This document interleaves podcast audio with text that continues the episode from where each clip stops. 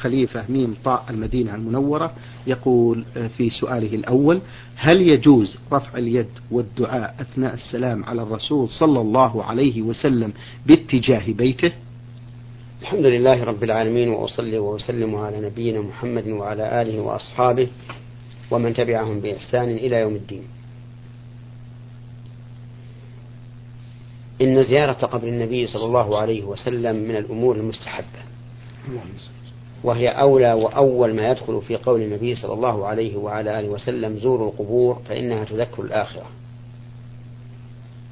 ولكن يجب على الإنسان حين زيارة قبر النبي صلى الله عليه وعلى آله وسلم أن يعتقد أنها عبادة لله وليس عبادة لرسول الله صلى الله عليه وسلم. وأن يؤمن بأن رسول الله صلى الله عليه وعلى آله وسلم لا يملك لنفسه نفعا ولا ضرا.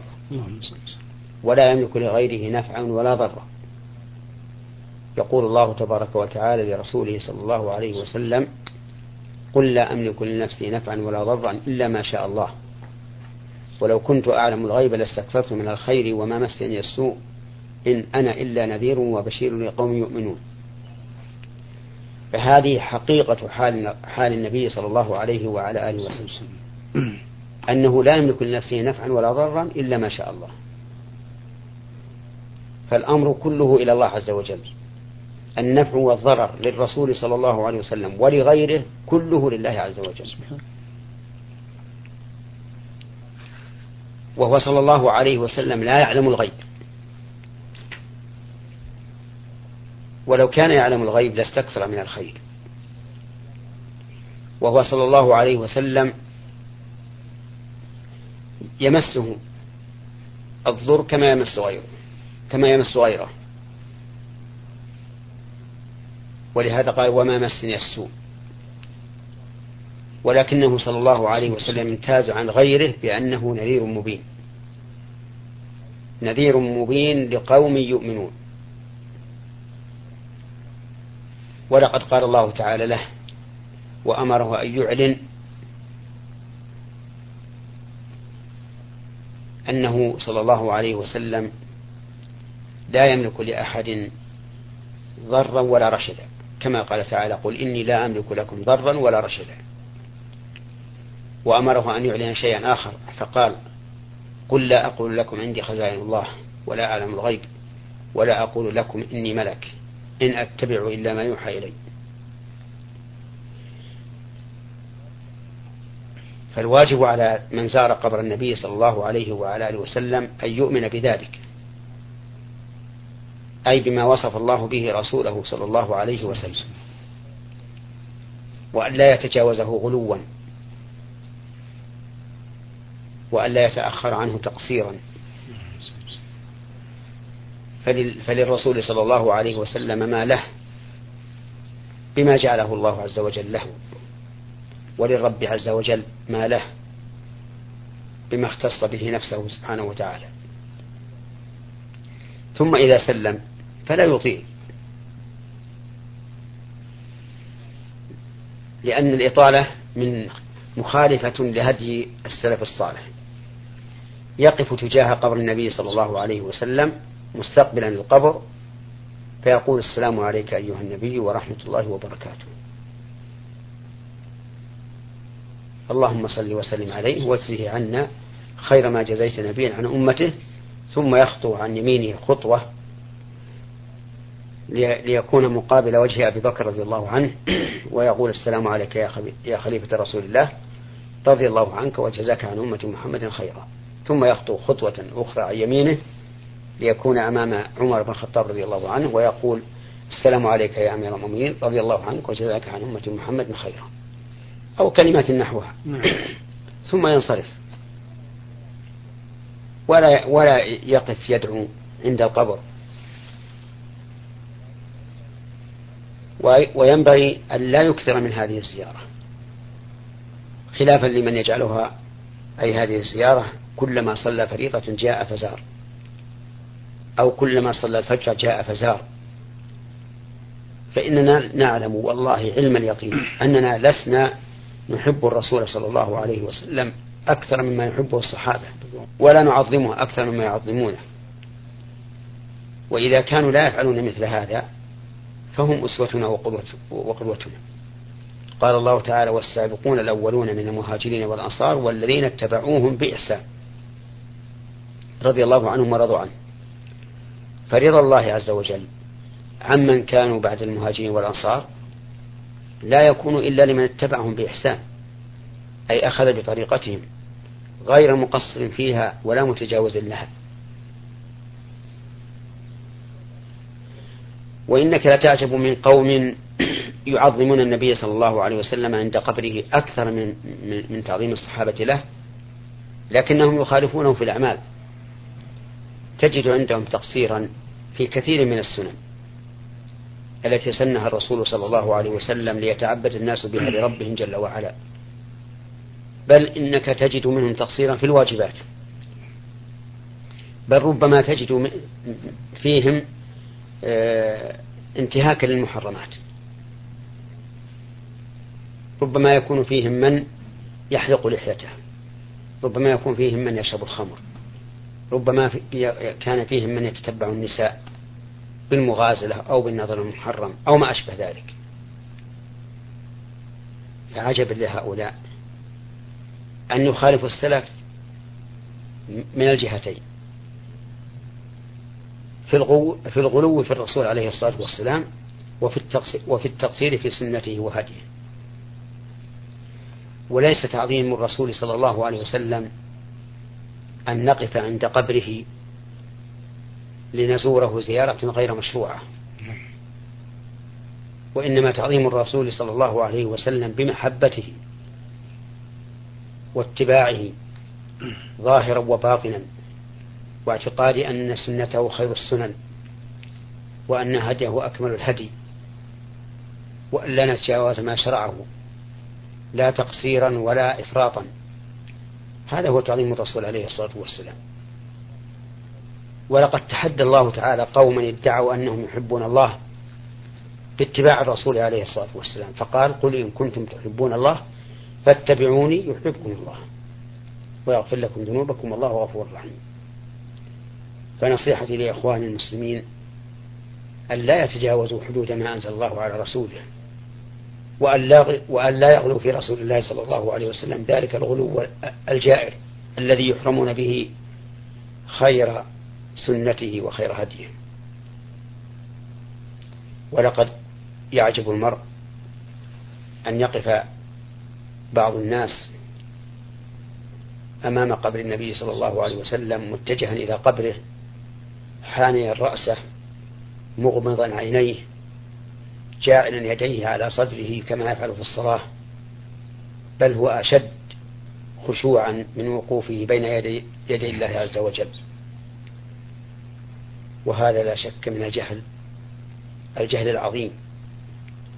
وأستغفر الله إن كان هذا من تفريط العلماء وعدم بيان الحق لهؤلاء العامة الذين لا يفعل أكثرهم ما يفعل إلا أنه يظن أنه محسن ولكنه ليس بمحسن نعم. جزاكم الله خيرا على هذا التوجيه المبارك يقول السائل أيضا في فقرة له من السؤال أرى قلة من المصلين بعد الانتهاء من الصلاة وعند الخروج يمسحون أيديهم بالجدار المحيط ببيت الرسول صلى الله عليه وسلم ويمسحون صدورهم ووجوههم هل هذا من البدع؟ وإذا كان من البدع أرجو النصح لمثل هؤلاء. جزاكم الله خيرا فضيلة الشيخ. نعم. هذا من البدع بلا شك لأنه لا يشرع مسح شيء في الدنيا من البنايات إلا مسح إلا مسح ركنين. الأول الحجر الأسود والثاني الركن اليماني. وكلاهما في الكعبة المشرفة.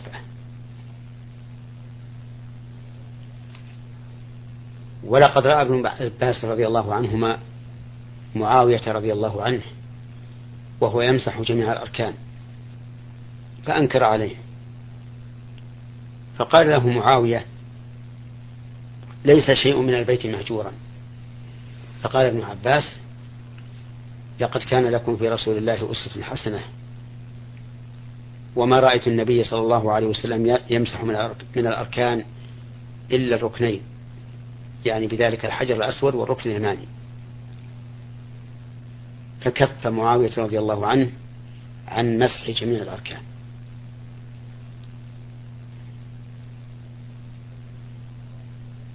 فتجد ابن عباس فتجد ابن عباس رضي الله عنهما أنكر على معاوية رضي الله عنه مسح جوانب الكعبة التي لم يرد عن النبي صلى الله عليه وسلم أنه كان يمسحها فما بالك بجدران أخرى؟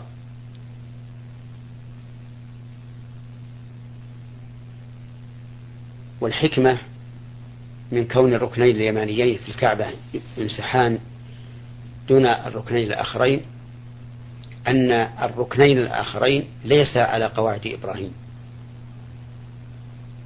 لأن الكعبة كانت أكثر امتدادا نحو الشمال مما كانت عليه الآن. ولكن قريش لما أرادوا أن يعمروها قصرت بهم النفقة. فرأوا أن يبنوا هذا الجزء وأن يدعوا الجزء الآخر. واختاروا أن يكون المتروك الجزء الشمالي لأنه ليس فيه الحجر.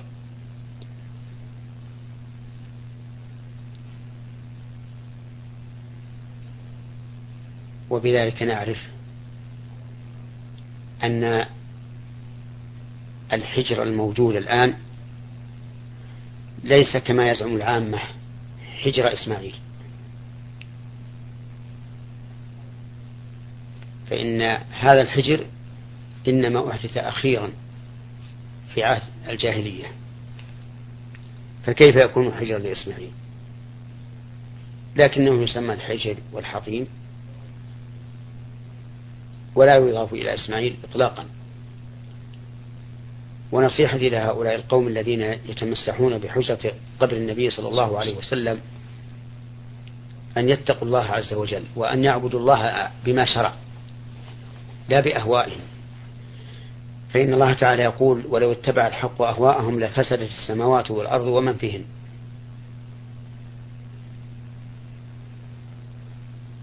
وكل إنسان يعبد الله على خلاف شريعته فإن عمله مردود عليه. وهو آثم به إن كان عالما بأنه مخالف للشريعة. لقول النبي صلى الله عليه وعلى آله وسلم فيما صح عنه من عمل عملا ليس عليه أمرنا فهو رد. وفي لفظ من أحدث في أمرنا هذا ما ليس منه فهو رد. أي مردود عليه. نعم. جزاكم الله خيرا. يقول هذا السائل في آخر أسئلته إذا قام شخص بقراءة القرآن أو وضع قدميه وهو متجه إلى بيت الرسول صلى الله عليه وسلم وهو متجه إلى بيت الرسول صلى الله عليه وسلم هل عليه إثم في ذلك؟ ليس عليه إثم في ذلك. فإن مد الرجلين إلى اتجاه قبر النبي صلى الله عليه وسلم لا حرج فيه. ولا يحتاج أن أقول بشرط أن لا يكون مستهينا بالرسول عليه الصلاة والسلام أو محتقرا. له لأن هذا لا يمكن أن يقع من مسلم. فمد الرجلين إلى نحو قبر النبي صلى الله عليه وعلى آله وسلم لا بأس به. وهذا يقع كثيرا كالذين يكونون في الصف الأول في المسجد النبوي. نعم. فإنهم يستندون إلى الجدار القبلي وحينئذ تكون أرجلهم, أرجلهم إن مدوها ممدودة إلى نحو القبر. نعم. جزاكم الله خيرا. السائل الدكتور سعيد عبد الله مصري ومقيم في الرياض يقول في هذا السؤال.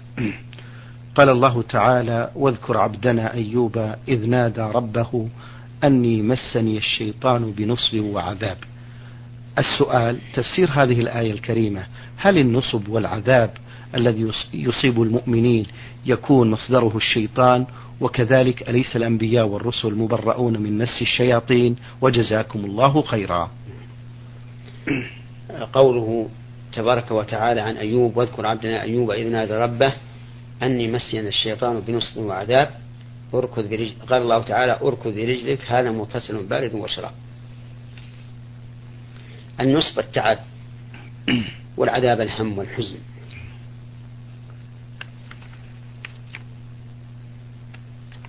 ومس الشيطان له لا نعلم كيفيته لكن يجب علينا أن نصدق به.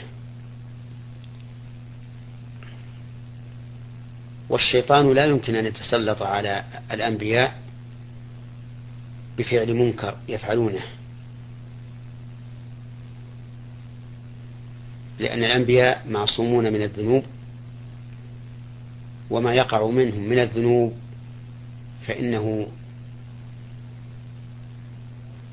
فإنهم لا يقرون على الاستمرار عليهم. وهم أي الأنبياء عليهم الصلاة والسلام معصومون من كل ما يخل بجانب الرسالة. وأما ما لا يخل بجانب الرسالة فإنه قد يقع منهم ولكنهم لا يقرون عليه. بل لا بد أن يوفقوا للتوبة فيتوبون فيتوب الله عليهم. نعم. جزاكم الله خيرا. السائل عين راء له مجموعة من الأسئلة يقول في هذا السؤال أنا شاب أبلغ من العمر حوالي الثامنة عشرة. يقول أحب الله وأحب الرسول صلى الله عليه وسلم وأبذل جهدي للابتعاد عن المعاصي قدر المستطاع وأحافظ على الفرائض التي فرضها الله تبارك وتعالى. ولكن ينتابني وسواس يشككني وأنا متيقن منه يشككني في عقيدتي. هذا الوسواس سبب لي القلق الشديد فأرجو التعليق على ذلك وكيف السبيل للخلاص من هذه الوساويس. الوساوس التي تعتري الشيطان تعتري الإنسان من الشيطان دليل على قوة إيمانه وعلى أن إيمانه خالص. وذلك لأن الشيطان إنما يأتي إلى القلب العامر ليدمره وإلى قلب وإلى القلب المتيقن ليشككه. وهذه الوساوس لا تغني شيئا أي لا تنف... لا تضر الإنسان شيئا. ودواؤها بما أرشد إليه النبي صلى الله عليه وعلى آله وسلم أن تستعيذ بالله وأن تنتهي عنها تعرض عنها وتتلهى عنها ولا تهمك. وسرعان ما تخبو وتزول. والذي أصاب هذا الشاب قد أصاب الصحابة رضي الله عنهم وشكوا إلى الرسول صلى الله عليه وسلم ذلك فأمرهم أن يستعيذوا بالله من الشيطان الرجيم وأن ينتهوا عن هذا. فإذا استعمل من وقعت فيه هذه الوساوس ما أرشد إليه النبي صلى الله عليه وسلم فهذا هو الدواء الناجع ولا دواء أنفع مما ذكره النبي صلى الله عليه وعلى آله وسلم. فنقول لهذا الشاب أبشر فإنك بخير. ما دام قلبك متيقنا وأن هذه طوارئ تطوى عليه فإن هذه من الشيطان ولا تضره شيئا. جزاكم الله خيرا. في سؤاله الثاني يقول أرجو من فضيلتكم آه، أن تذكروا لي بعض الأمور التي تخرج من الملة سواء كانت هذه أقوالا أو أعمالا أو اعتقادا بحيث أعبد الله على بصيرة. كما أرجو من فضيلتكم أن تذكروا لي بعض الكتب المتخصصة بأمور التوحيد. لا يمكن أن نحصر الأشياء التي تخرج من الملة. لأنها كثيرة الأفراد. نعم. لكن يمكن أن نذكر قاعدة. طيب. وهي أن الذي يخرج من الملة هو يدور على أمرين. إما الإنكار وإما الاستكبار. يعني إما أن ينكر الإنسان شيئا أخبر الله به ورسوله فيكذبه. أو ينكر حكما من أحكام الشريعة الظاهرة التي أجمع المسلمون عليها. أو الاستكبار وهو أن يقر بذلك لكن لا يعبد الله. فتارك الصلاة مثلا كافر. مع أنه يقر يؤمن بالله ويؤمن بالشريعة ولا يكذب بها. ولكنه استكبر فلم يصلي. ولا يلزم أن أن يكون تارك الصلاة يقول إنه مستكبر. هو لازم. بل إذا تركها متهاونا بلا عذر ولا جهل منه إذا كان بعيدا عن المدن الإسلامية فإنه في الحقيقة مستكبر. فجميع أنواع الردة تعود إلى هذا إلى الإنكار أو الاستكبار. لكن التفاصيل كثيرة جدا. نعم. ويمكن أن ترجع إلى ما ذكره الفقهاء رحمه الله في باب أحكام المرتد. أما أحسن الكتاب في التوحيد فمن أحسن الكتب كتاب التوحيد لشيخ الإسلام محمد بن عبد الوهاب رحمه الله. كتاب جامع بين الدلائل والمسائل. ومن أحسن الكتب في العقيدة العقيدة الوسطية لشيخ الإسلام ابن تيمية. ثم إذا تلقى الإنسان شيئا فالعقيدة التدمرية. ثم إذا تلقى الإنسان أكثر فالكتب المطولة مثل مختصر الصواعق المرسلة. الذي أصله ابن القيم رحمه الله وغير ذلك. والمرجع الأصل والأول هو كتاب الله عز وجل وما صح عن رسول الله صلى الله عليه وعلى آله وسلم. نعم. جزاكم الله خيرا. هذه سائلة أه تقول في هذا السؤال يدعو الإنسان في صلاته اللهم إني أعوذ بك من فتنة المحيا وفتنة الممات. ما المقصود بفتنة الممات؟ جزاكم الله خيرا. آه، فتنة المحيا هي أن يفتتن الإنسان في الدنيا وينغمس فيها وينسى الآخرة. وهذا ما أنكره الله على على العباد في قوله بل تؤثرون الحياة الدنيا والآخرة خير وأبقى.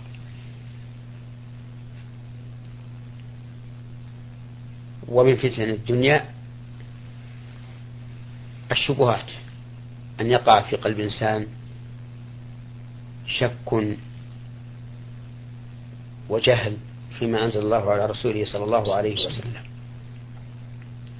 أما فتنة الممات فتشمل شيئين الأول ما يحدث عند الموت والثاني ما يحدث في القبر. فأما الأول وهو الذي يحدث عند الموت فإن الشيطان أعاذنا الله ومن استمع منه أحرص ما يكون على إغواء بني آدم عند موته لأنها هي الساعة الحاسمة. فيحون بين المرء وقلبه بمعنى أنه يوقع الإنسان في تلك اللحظة فيما يخرجه عن دين الإسلام. وليست هذه الحيلولة كحيلولة الله عز وجل التي ذكرها الله تعالى في قوله واعلموا أن الله يحول بين المرء وقلبه. لكنه أي الشيطان يحرص حرصا كاملا على إغواء بني آدم في تلك اللحظة. وقد ذكروا عن الإمام أحمد رحمه الله أنه كان حين احتضاره يغمى عليه فيسمعونه يقول أ بعد بعد فلما أفاق قيل له يا أبا عبد الله ما قولك بعد بعد؟ قال إن الشيطان يتمثل أمامي. يقول فتني يا أحمد فتني يا أحمد. فأقول له بعد بعد. يعني لم أفتك. لأن الإنسان لا ينجو من الشيطان إلا إذا مات. إذا مات انقطع عمله. ولا رجاء للشيطان فيه. إن كان مؤمنا. فيقول إني أقول بعد بعد أي لم أفتك. لجواز أن, أن يحصل من الشيطان فتنة عند موت الإنسان. ولكنني أبشر إخواني الذين آمنوا بالله حقا واتبعوا رسوله صدقا واستقاموا على شريعة الله. أبشرهم أن الله بفضله وكرمه لن يخذلهم لن يختم لهم بسوء الخاتمة لأن الله تعالى أكرم من عبده جل وعلا. فمن صدق مع الله فليبشر بالخير. لكن تكون سوء الخاتمة فيما إذا كان القلب منطويا على سريرة خبيثة. فإنه قد يعمل بعمل أهل الجنة فيما يبدو للناس وهو من أهل النار. نعوذ بالله من ذلك. فهذه من فتنة الموت. وإنما سميت فتنة الموت لقربها منه. أما الثاني مما يتناوله فتنة الموت فهو فتنة الإنسان في قبره. فإن الإنسان إذا مات ودفن وتولى عنه أصحابه أتاه ملكان يسألانه عن ربه ودينه ونبيه. فأما المؤمن أسأل الله أن يجعلني ومن استمع منهم. اللهم فيقول ربي الله ودين الإسلام ونبي محمد. فينادي مناد من السماء أن صدق عبدي. فأفرشوه من الجنة وألبسوه من الجنة وافتحوا له بابا إلى الجنة. ووسعوا له في قبره. وأما الكافر والعياذ بالله أو المرتاب فيقول ها ها لا أدري. يطمس عليه حتى وإن كان في الدنيا يعرف ذلك. يقول سمعت الناس يقولون شيئا فقلته وقلبه والعياذ بالله لم يدخله الإيمان. فينادي منادي من السماء أن كذب عبدي. فأفرشوه من النار وألبسوه من النار وافتحوا له بابا إلى النار ويضيق عليه قبره حتى تختلف أضلاعه. والله إنها لفتنة عظيمة. نسأل الله أن يقينا وإخواننا المسلمين إياها. اللهم أمين. فهذا معنى قول الداعي أعوذ بالله من عذاب جهنم ومن عذاب القبر ومن فتنة المحيا والممات ومن فتنة المسيح الدجال. فهذه فتنة الممات المذكورة في هذا الحديث تشتمل على هذين الشيئين. شكر الله لكم يا فضيلة